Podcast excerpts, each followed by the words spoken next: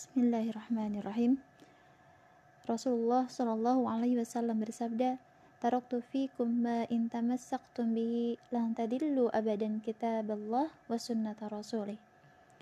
Yang artinya, aku tinggalkan bagi kalian perkara yang jika kalian berpegang teguh padanya, maka kalian tidak akan tersesat selamanya. Kitab Allah dan sunnah Rasulnya. Berdasarkan susunan hadis tersebut, maka sumber pertama bagi fikih Islam adalah kitab Allah yang mulia, sedangkan sumber keduanya adalah sunnah Rasulullah Shallallahu Alaihi Wasallam sebagai bentuk pengamalan dari firman Allah Azza wa Jalla. A'udzu billahi minasyaitonir rajim. Wa ma atakumur rasulu fakhuduhu wa ma nahakum anhu fantahu. Apa yang diberikan Rasul kepadamu, maka terimalah, dan apa yang dilarangnya bagimu, maka tinggalkanlah. Surah Al-Hasyr ayat ke-7.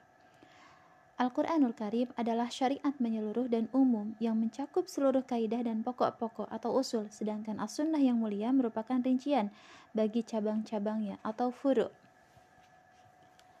Dan banyak di antaranya yang menyempurnakan penjelasan Al-Quran sesuai dengan berbagai peristiwa yang berlaku pada Rasulullah Shallallahu Alaihi Wasallam. Dengan demikian, maka pada dasarnya syariat itu berdiri di atas dua pangkal yang kokoh yaitu Al-Quran dan As-Sunnah. Keduanya adalah sumber rujukan dan asas. Bahkan keduanya merupakan tulang punggung bagi syariat yang toleran ini. Syariat Islam memiliki dasar-dasar yang kokoh yang harus diikuti. Ia tidak semata berdiri di atas logika dan pengamalan dan pengalaman manusia di bumi yang merupakan syariat langit yang kekal di tengah-tengah manusia dan berlaku sepanjang masa. Dari beberapa baris tersebut, kita dapat menyimpulkan bahwa metode pokok satu-satunya dari syariat Islam adalah menukil nas dan mengamalkannya. Namun bukan berarti membiarkan akal tidak menjalankan perannya. Ia tetap difungsikan dalam proses penarikan kesimpulan dan mengungkapkan pemahaman terhadap nas-nas nakli. Jika dalam suatu nas ditemukan suatu hikmah, maka akallah yang menyimpulkan hikmah ini.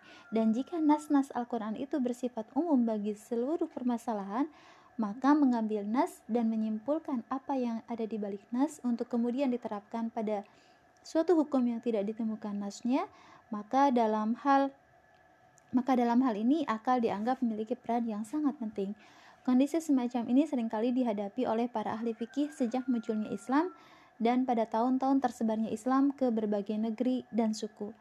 Oleh karena itu, oleh karenanya Berijtihad dan penggunaan logika ini bukan saja dimulai pada zaman tabi'in, namun telah dimulai sejak zaman Nabi Shallallahu alaihi wasallam.